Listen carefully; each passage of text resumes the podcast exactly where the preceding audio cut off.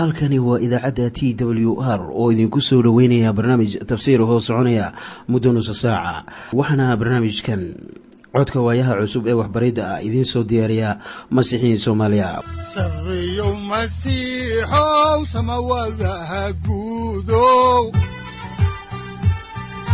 Siraadkii adduunkow subanaha eebow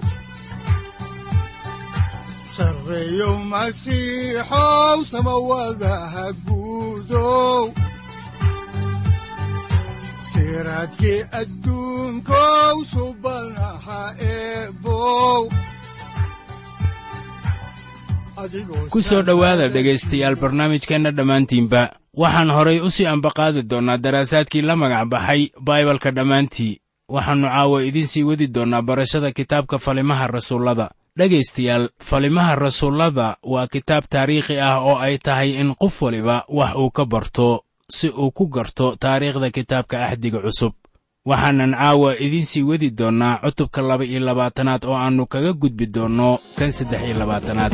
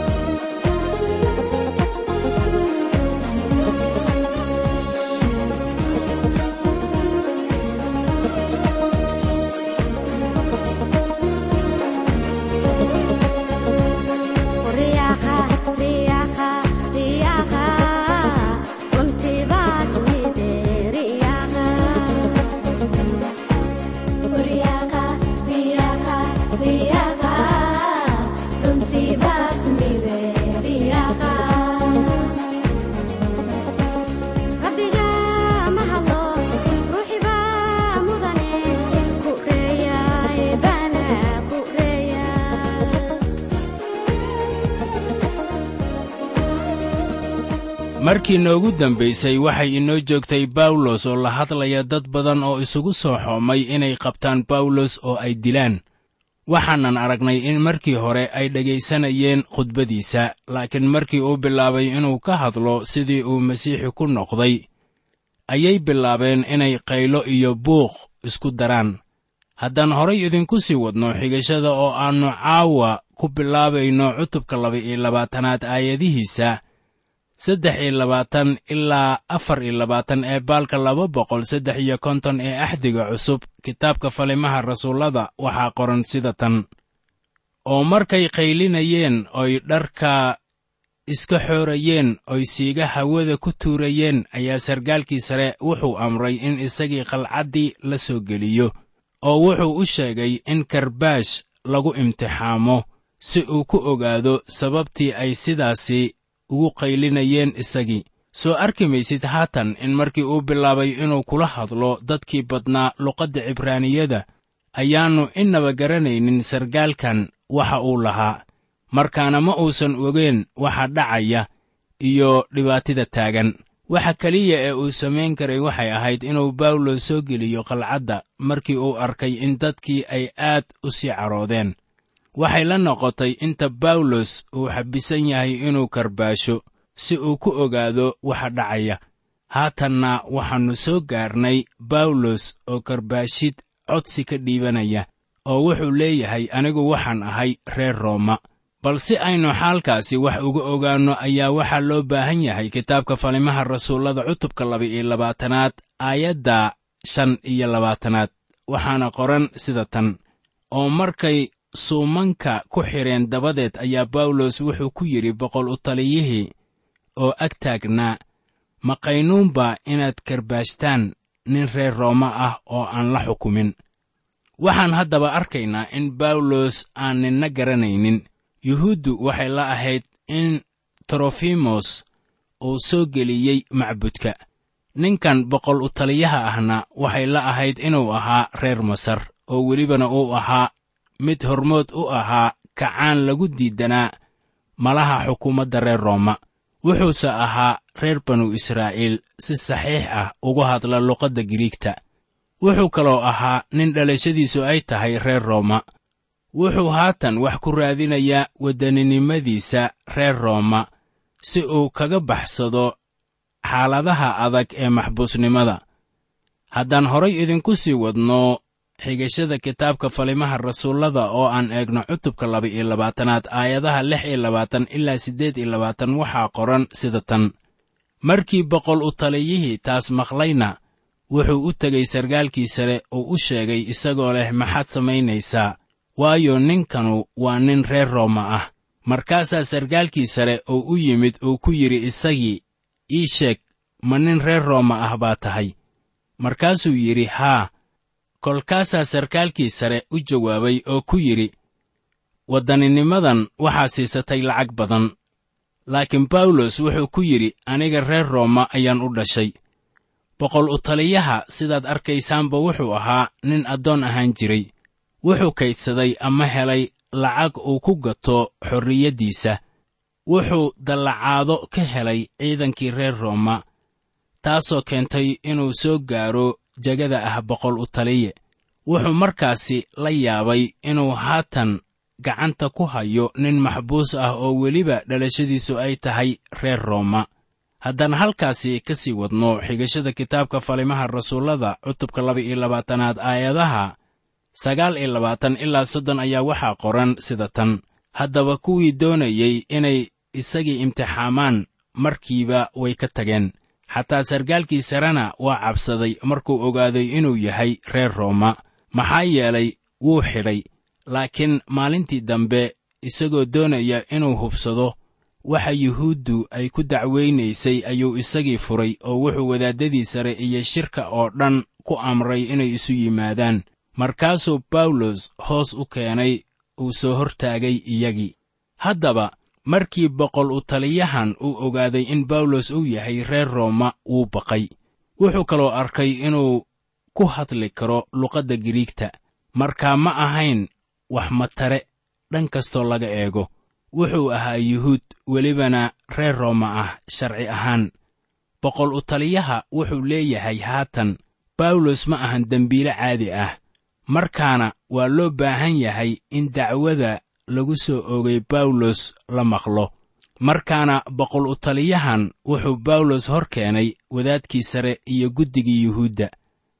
Waxaan arkaynaa in bawlos aqoon weyn uu u lahaa sharciyadii qurumaha taasaana keentay inuu wacdiye ka noqdo dhulkii ay ka talinaysay boqortooyadii reer rooma. Wuxuu lahaa tacliin xagga luqadda giriigta qusaysa iyo tababarro kale taasoo keentay inuu noqdo masiixi muuqda waxaa kaloo uu lahaa tababar xagga sharciga muuse ku saabsan ee uu dadka ugu fasirayo qoraalladii hore isagoo ku sallaynaya imaanshaha masiixa iyo furashadiisii uu u dhintay dembiyadeenna iyo sara kiciddiisii waxaa kaloo qiimihiisii sare u qaaday markii uu helay dhalashada reer rooma taasoo iridda u furtay inuu soo booqdo dhulkii reer rooma ama waddanka talyaaniga haddaan intaasi ku soo ekayno xigashada cutubka laba iyo labaatanaad ee kitaabka falimaha rasuullada ayaannu iminkana idin bilaabaynaa cutubka saddex iyo labaatanaad. Waxaannu haddaba cutubkan ku bilaabaynaa mawduuciisa oo ah bawlos oo haatan noqonaya maxbuus. Waxaanan horay u sii wadaynaa noloshiisa markaan uu noqday maxbuuska. Wixii inta ka dambeeya waxaan arkaynaa bawlos oo difaacaya qudhiisa iyo adeegga hawsha masiixa wuxuu ka hor muuqanayaa taliyayaal maadaama ay yuhuudda shirqoolayaan dhimashadiisa. Ayaa waxaa loo qaaday kaysariya. Wuxuu ilaa iyo laba sannadood ku sii jirayaa xabsi ilaa ugu dambaynta codsi uu u dirsado boqorka.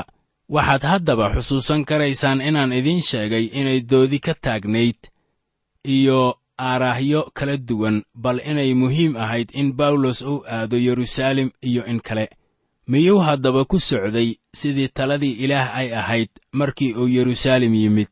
Waxaan idinku leeyahay anigu waxaan ku qanacsanahay inuu ku socday doonista ilaah dhan waliboo laga eego xaalka. Waxaan u malaynayaa markaan horay ugu sii soconno kitaabkan falimaha rasuullada inaan soo saari doonno in bawlos uu ku socdo doonista ilaah ama qorshaha ilaah. Waa dhab in haatan la qabtay waana dhab in xaalku uu ku xun yahay laakiin taasu kama dhigna inaannu qorshihii ilaah u dejiyey aannu ku soconin. Markaan isla kii xoogeeyey noloshii bawlos ayaa wuxuu doonayaa inuu noloshaada iyo taydaba xoogeeyo maanta. Halkan aynu joogno ayuu inoogu imaanayaa oo uu nolosheennana beddelayaa. In kastoo ay jirto in badankeen ay ku nool yihiin nolol fudud ayaa haddana ilaah uu dhammaantayo ina wada xiisaynayaa wuxuu doonayaa inuu ina siiyo hoggaamin iyo jihaynta aynu u baahan nahay ee aynu isaga caabinno dhaqamada aynu maanta ku soconno. Dad badan bay la tahay inay la soo gudboonaato khibraddii iyo kacaannimadii bawlos.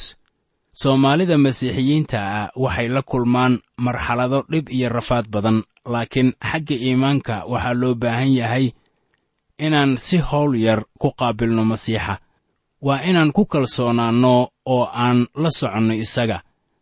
Wuxuuna ina siinayaa hoggaaminta toosinta iyo jihaynta noloshayada maalin waliba. Haddaan ku soo noqonno qisadii bawlos ayaannu aragnay boqol u taliyihii reer rooma oo qabanaya bawlos oo gelinaya xabsi oo wuxuu doonayey inuu garaaco hase yeeshee iminka wuu ka waantoobay inuu waxyaalahaasi oo kale sameeyo kadib markii uu ogaaday in bawlos uu ahaa waddani reer rooma ah. Aad buu ula tacajubay markii uu ogaaday in bawlos uu yahay waddani reer rooma ah oo uu ahaa nin cilmi leh oo reer magaal ah.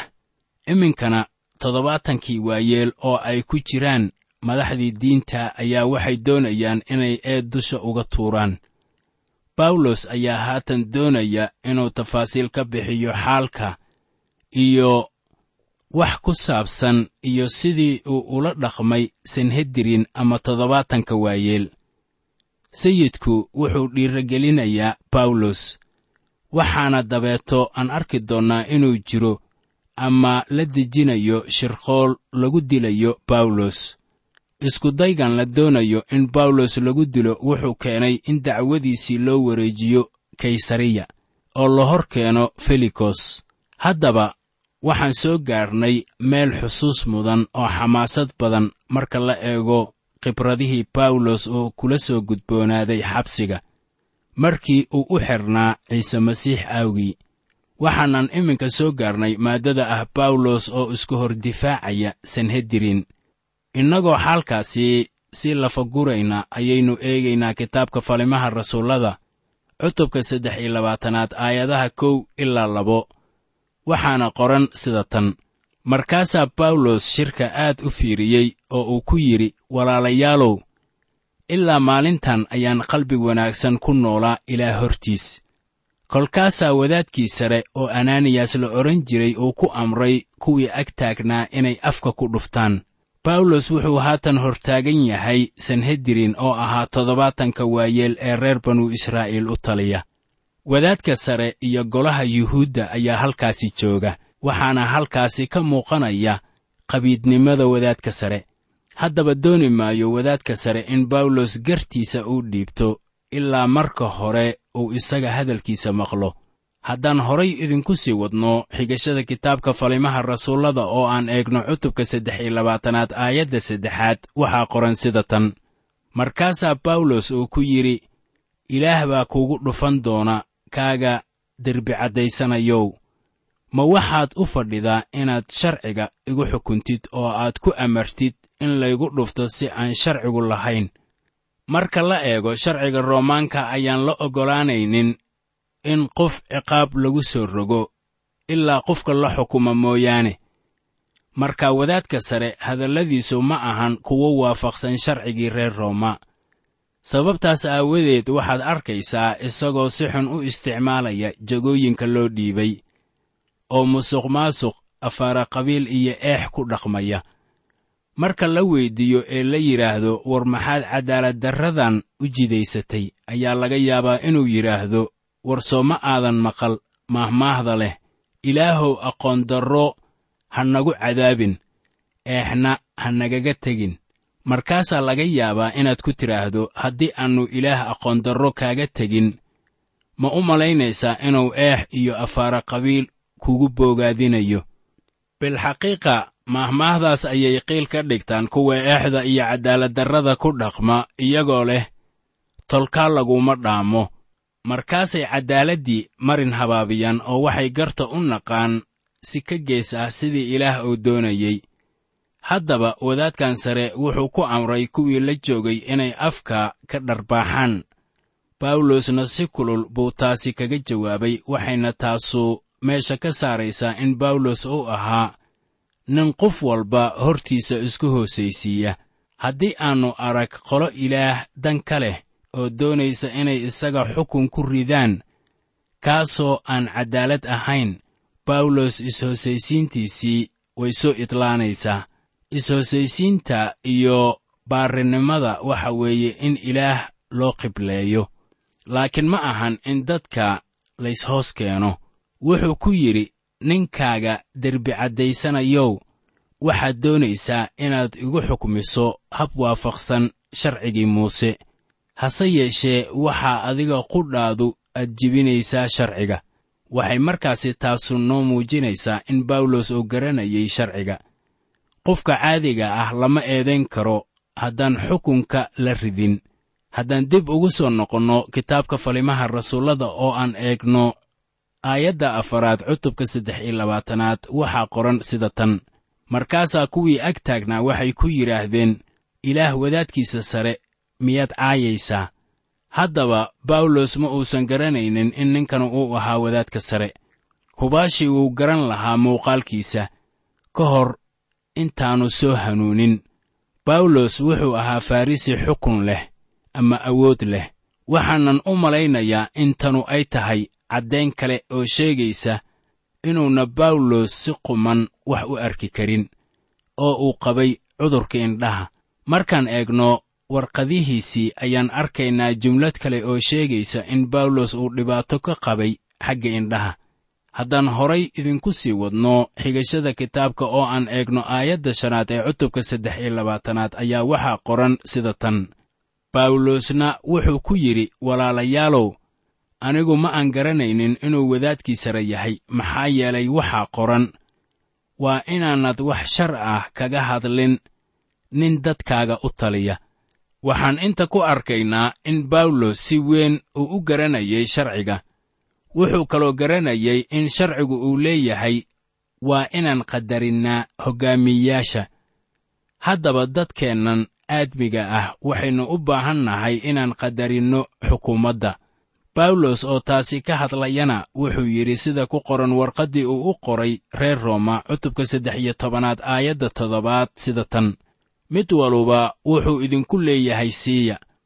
Kii baad idinku leh baad siiya. Kii canshuur idinku lehna canshuur siiya.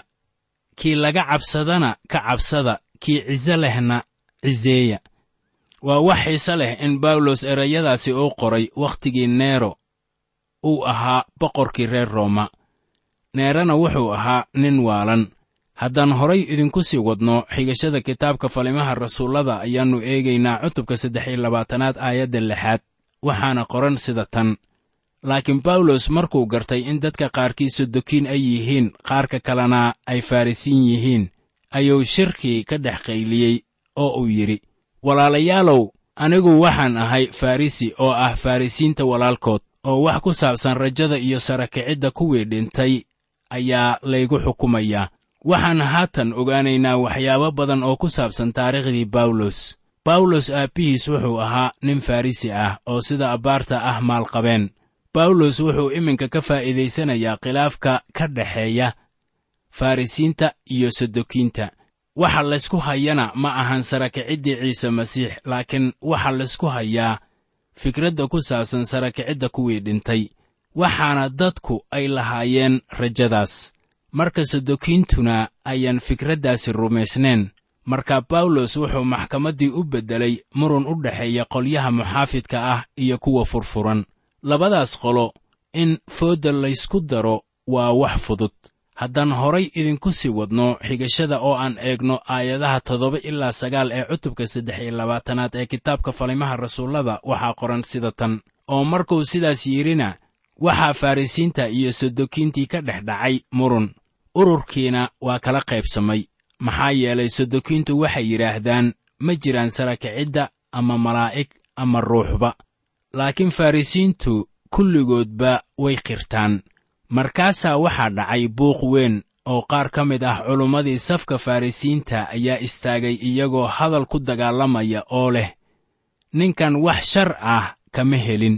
Laakiin haddii ruux la hadlay ama malaa'ig la hadashay ilaah la dagaalami mayno iminka farrisiintii ayaa difaacaya bawlos markii ay ogaadeen inuu farrisi ahaa. Ayay ku hagoogteen oo ay difaaceen.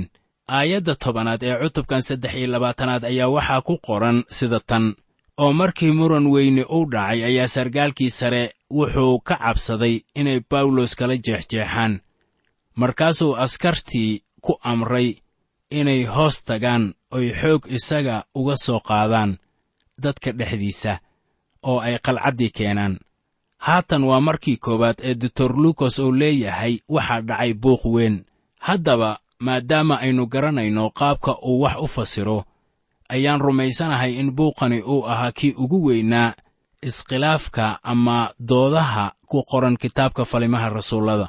Noloshii bawlos ayaa khatar gashay mar kale waxaana soo gaaraya boqol u taliyihii oo ka badbaadinaya carrada maxkamadda sanhedirin maadaama anigu aan rumaysanahay in lakala qaado diinta ama kiniisadda iyo xukuumadda ayaa xukuumaddu waxay iminka difaacaysaa rasuul bawlos waana wax quman ama toosan in dawladdu ay difaacdo shicibkeeda.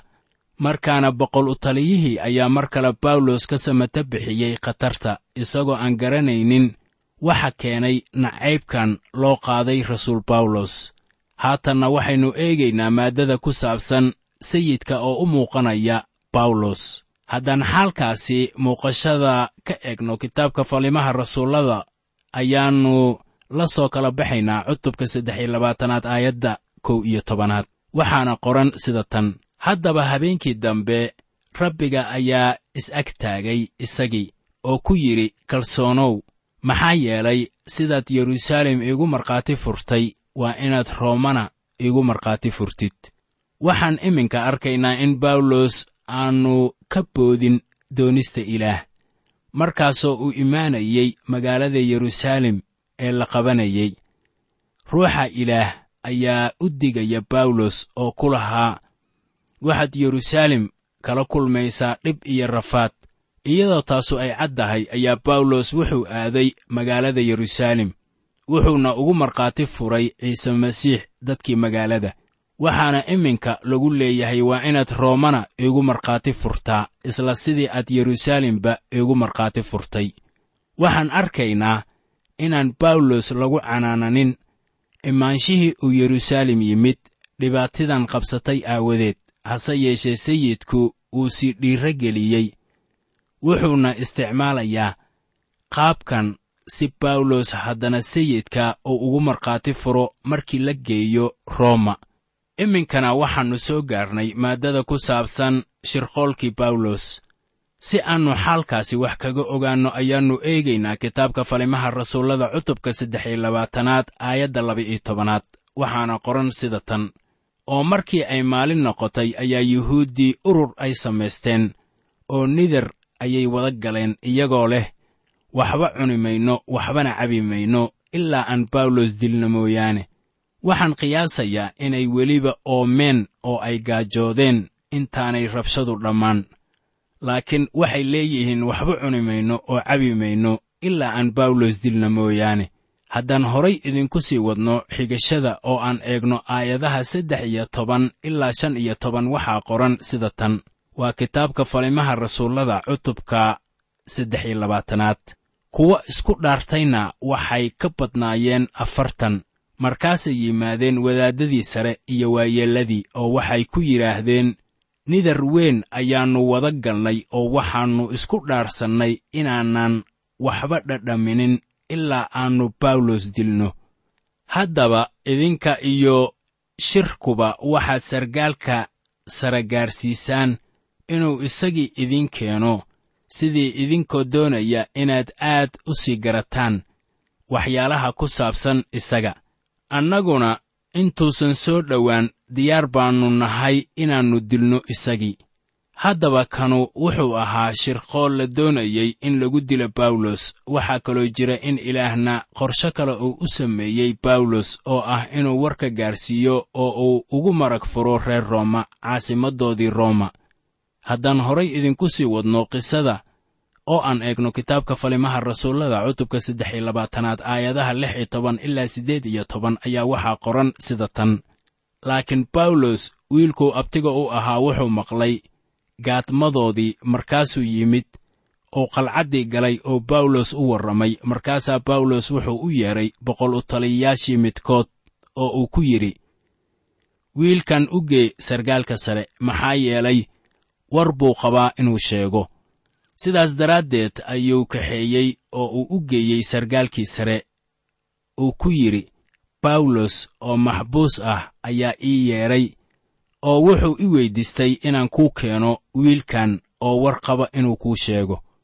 Wuxuu haddaba bawlos isticmaalayaa xuquuqdiisa waddaninimo ee uu leeyahay. Welibana waxaannu soo barannay wax ku saabsan qoyskii bawlos waxaannu arkaynaa inay jirtay gabar isaga la dhalatay oo qoys ku lahayd magaalada yeruusaalem haddaan horay idinku sii wadno qisada oo aan eegno iminka kitaabka falimaha rasuullada cutubka saddex iyo labaatanaad aayadaha sagaal iyo toban ilaa saddex iyo labaatan waxaa qoran sida tan. Markaasaa sargaalkii sare gacanta ku qabtay isagii oo gees ula leexday oo goonni ahaan u weyddiiyey isagoo leh waa maxay warkaad qabtaa inaad ii sheegtid markaasuu ku yidhi yuhuuddu waxay ku heshiiyeen inay ku weyddiistaan inaad berrito bawlos shir ka hor keentid. Sidii adigoo doonaya inaad u sii weyddiisatid wax ku saabsan isagii. Haddaba yaanay ku oggolaysiin. Maxaa yeelay waxaa isagii gaadaya kuwo ka badan afartan nin oo iyaga ka mid ah kuwaasoo nidar galay inayan wax cunin waxna cabin ilaa ay isaga dilaan. Haddana diyaar bay yihiin iyagoo ballanqaad kaa filanaya. Haddaba sarkaalkii sare wiilkiibuu iska diray isagoo ku amraya oo leh ninnaha u sheegin inaad waxyaalahan ii muujisay. Adigoo samaada jiro ifkan soo saldhiganba saldhiganba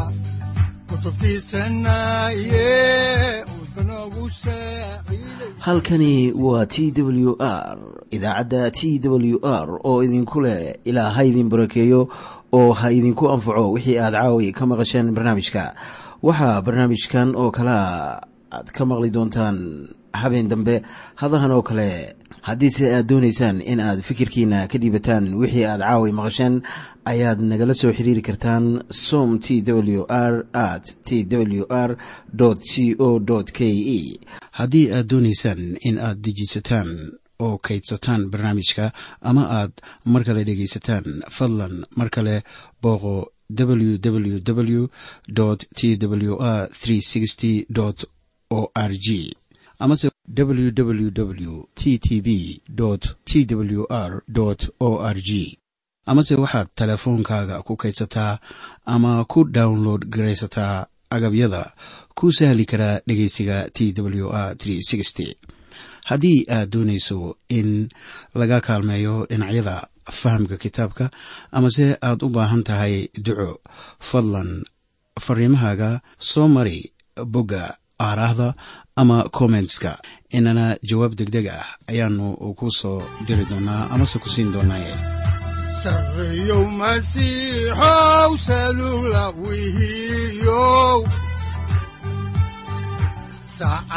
timid dhulka sabada ku dhalatiyo